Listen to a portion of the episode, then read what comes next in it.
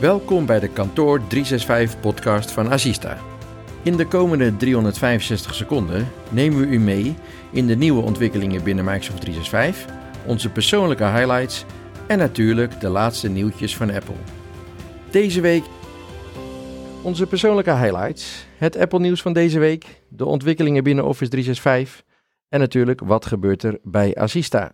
Maar om te beginnen, de persoonlijke highlights. Rick, zeg het eens jongen. Ik heb uh, twee, twee puntjes meegenomen deze week. Ik probeerde dat korter te houden dan vorige week. Ja, dat, was mislukt. Dat was een beetje lang.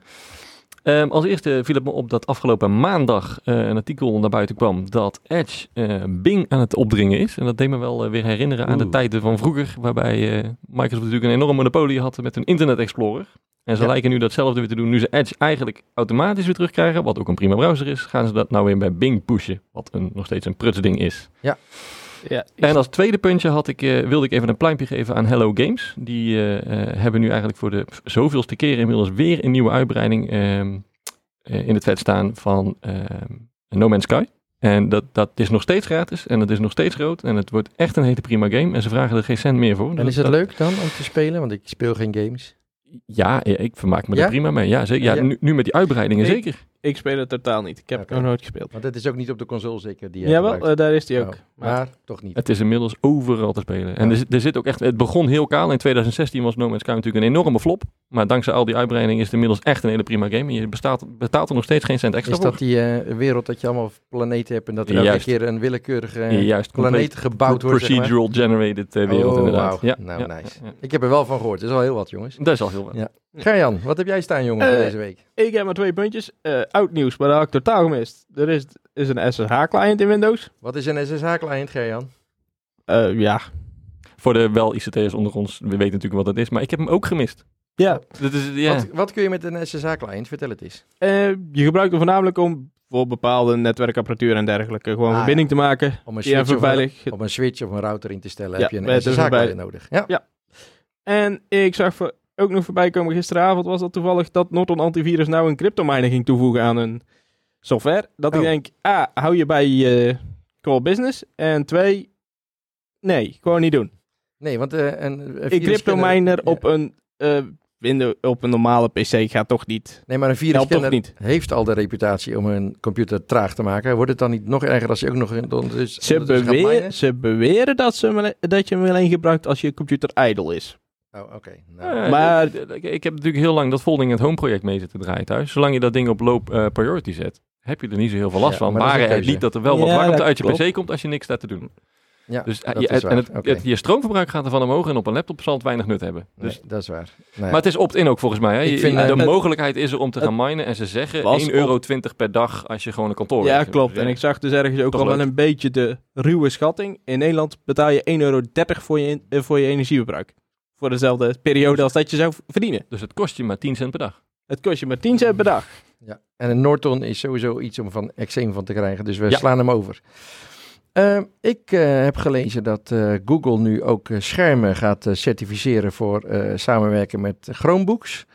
Ja, ik ben nog steeds fan van het idee van een Chromebook, een machine met een eenvoudig OS, wat eigenlijk alleen een browser kan starten, maar vrij van allerlei moeilijkheden zoals virusscanners en dergelijke. Dus ik vind het een leuke ontwikkeling. Um, uh, en ik hoop dat er ooit een wereld komt, ook in onze branche, waarbij je met een hele soort tin client toch al je werk kan doen. Dus ik uh, juich er toe en ik hoop dat Microsoft iets dergelijks gaat doen met hun Windows 10 uh, idee.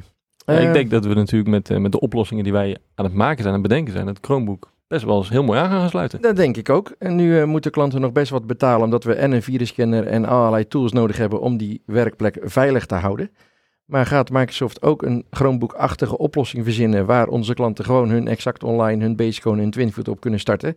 Dan kunnen wij omlaag met ons werkplekbeheer in, ja. in de prijs. Hebben we ook minder werk aan. En de dus hardware een stuk goedkoper. Precies, het is een win-win-win situatie. We juichen naartoe, we hopen op meer. Um, voor mezelf, ik zag dat, uh, uh, dat er uh, Intel is bezig met het ontwikkelen van een 5G-modem ehm, voor laptops. Oftewel gewoon een 5G-verbinding in je laptop. Nou, dat bestaat al. Maar nu ook met een e-simmetje erin, oftewel geen fysieke sim meer nodig. Gewoon online abonnementje afnemen, QR-code scannen en internetten met die laptop. Ja, ik hoop dat Apple ook zoiets gaat gebruiken, want ja Dat is gewoon gaaf. Gewoon niet meer nadenken, laptop openklappen en internet en niks tetteren met je telefoon. T-Mobile onbeperkt je ernaast en uh, gaan. Zo Ja, is en het. hopen dat er eh, ook mogelijk nog andere providers mee gaan doen met eSIMs. Want ja, Dat zou fijn zijn. En dan ook niet meer vragen aan de klant, mag ik even op je wifi? Dat Mhm. is toch niet meer van deze tijd. Dus eh, dat. Ehm, dat waren de highlights. Nou, dat ging toch best aardig. Dat Dat- ging al een stuk sneller dan ja, vorige we, week. we leren het, we leren Ja, het. nou, dat eh, na tweede, ke- in de tweede keer dat vind ik al heel goed. Eh, het Apple nieuws. Ja, ik kwam eh, tegen Remote Buddy voor de Mac. Oftewel een applicatie waarmee je de nieuwe remote eh, van de Apple TV kan gebruiken op je Mac. Oftewel je, je Mac met een afstandsbediening. Dan denk je, waar heb ik dat voor nodig? Nou, als je gaat presenteren, als je een PowerPoint presentatie geeft, kun je scrollen, eh, pauzeren, starten. Ziet er echt heel gaaf uit en veel meer functies dan zo'n Logitech ding. Dus eh, Want voor Zo- de niet-Mac-kenners, een, een eh, Magic Remote, zeg maar, of het? Ja, het is- remote is een Bluetooth. eh, Het is een trackpad, het is Bluetooth, Ja. het werkt echt super. eh, het is, er zit een beetje die jogdial van die oude iPodjes zit erop. Oftewel, een kind kan ermee overweg gaan eh, en is echt heel leuk. Ja, verdere Apple nieuws, dat komt natuurlijk eigenlijk pas volgende week. Maar we kunnen nu alvast een beetje vooruitkijken naar de WWDC, Voorpret. Worldwide Developer Conference. Want eh, er komt dus een nieuwe macOS, een nieuwe iOS, een nieuwe iPadOS, een nieuwe tvOS en een nieuwe watchOS. Oh, Richard wordt er zo gelukkig van. Maar wat er allemaal nieuw is, dat weten we niet. In, eh, met een heel klein beetje hoop eh, kijken we naar eh, de nieuwe MacBook Pro 16 inch met de nieuwe Apple Silicon processor erin. Maar die kans acht ik heel klein, want in principe is de WWDC echt een software-event van Apple en geen hardware-event. Maar ja, de een kleine teaser kan natuurlijk geen kwaad. hè. ja, maar ja, de silicons, eh, ze moeten van Intel af, dus eh, waarschijnlijk, eh, het, het is zomaar mogelijk dat ze toch die hardware uit gaan brengen. Dat zou leuk zijn. Ja, we zitten al drie, door de 365 seconden heen, jongens. Gaan we het niet over hebben. Nee, gaan we niet over hebben. We gaan gewoon nog even door. Eh, Rick, wat is er in Office 365 gebeurd volgens jou? Eh, een van de dingen die mij opviel in de Office 365 is dat eh, jij notabene op je Mac tegenwoordig met de OneDrive app pdf'jes kan roteren.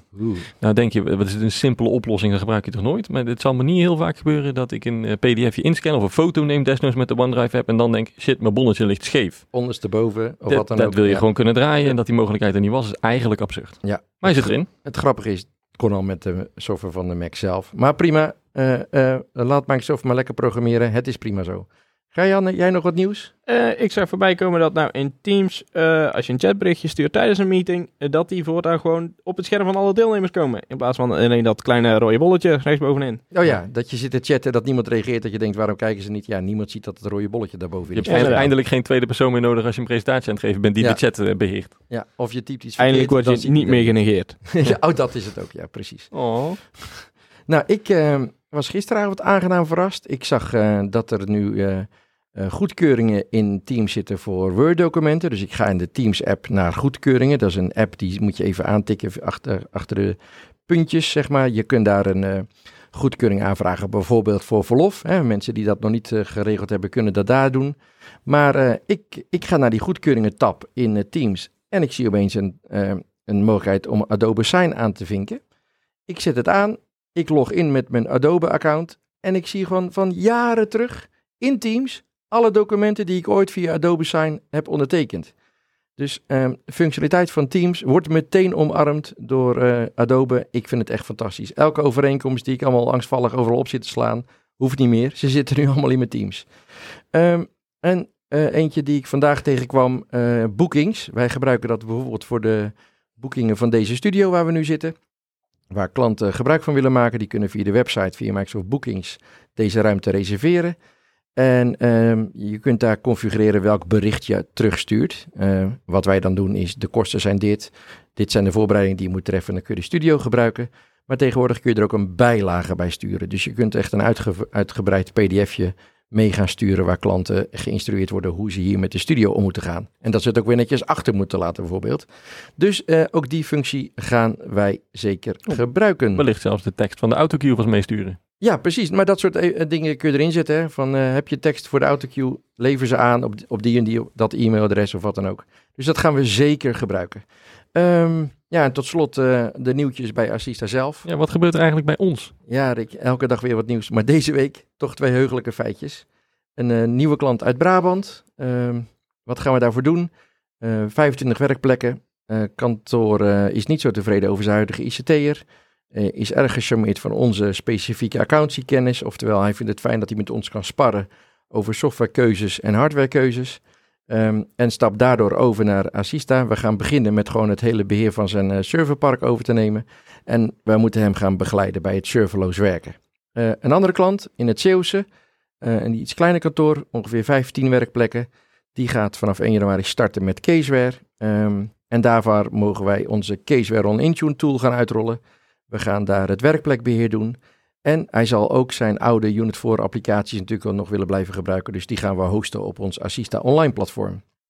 Dus ook dit is weer leuk. Nieuwe klanten, er komt weer werk aan. Dus uh, het wordt weer een mooie zomer, zullen we maar zeggen. Mooi werk, mooi werk. Nou mannen, dit was de podcast nummer 2. Ik vond hem al een stuk beter gaan. Hij liep soepeler. Ja. Hij liep sowieso soepeler. En we zijn denk ik iets dichter bij het tijdstreven Ja, gekomen. we hebben nu maar twee keer de 365 seconden aangeraakt. Ik, dat is al een derde beter dan vorige week. Dus, voor, uh, voor het einde van het jaar gaan we het halen. Ja, zeker. Jongens, bedankt weer. En uh, lieve luisteraars, dat waren er trouwens 17 vorige week, jongens. 17 keer afgespeeld, de eerste podcast. Iets gedaan. Dat zijn er al 15 meer dan dat ik dacht, want die twee was ik. uh, dus we gaan eens kijken hoeveel luisteraars we komende week hebben. Ik zal me niet zeggen dat ik ze allemaal heb ingekocht in China. Ai, ai, ai, ai, ai. Jongens, tot volgende week.